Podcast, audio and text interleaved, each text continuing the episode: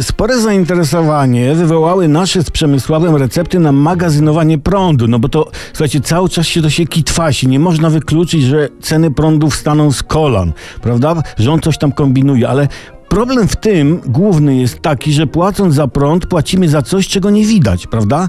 Płacenie za prąd to jak płacenie opłaty klimatycznej w kurortach, gdzie jednak w większości to powietrze widać a, a nawet czuć.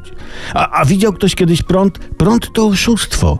Zeznania na temat prądu nie trzymają się kupy, bo jedni mówią, że prąd płynie, inni, że biegnie kablami. No, no jeszcze jakby prąd jeździł na rowerze, to miałby triatlon.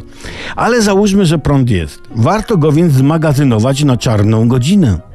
Przemysław sugerował, żeby zapalić lampę i jak prąd y, pobiegnie do niej z gniazdka, to szybko zgasić i prąd zostanie nam w kablu. Dodam tylko, że trzeba y, tylko te wtyki, wtyczki zatkać plastelinu, prawda, żeby on nie uciekł ten prąd. Ja osobiście wolę łapać prąd do wiadra. Prawda? Wkłada się dwa kabelki do, do, kontaktu, drugie końce trzeba wsadzić do plastikowego, to ważne, wiadra z wodą.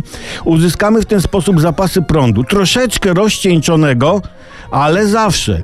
I po napełnieniu wiadra prądem wyjmujemy kabelki z kontaktu w ścianie i przykładamy a to do żelazka, a to do laptopa albo do herbaty i używamy.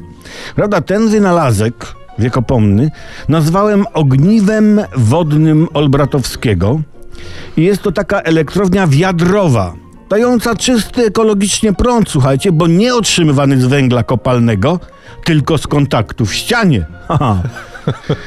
Nie powinno was zatem dziwić, że sąsiedzi wołają na mnie Tesla. I całkiem zasłużenie.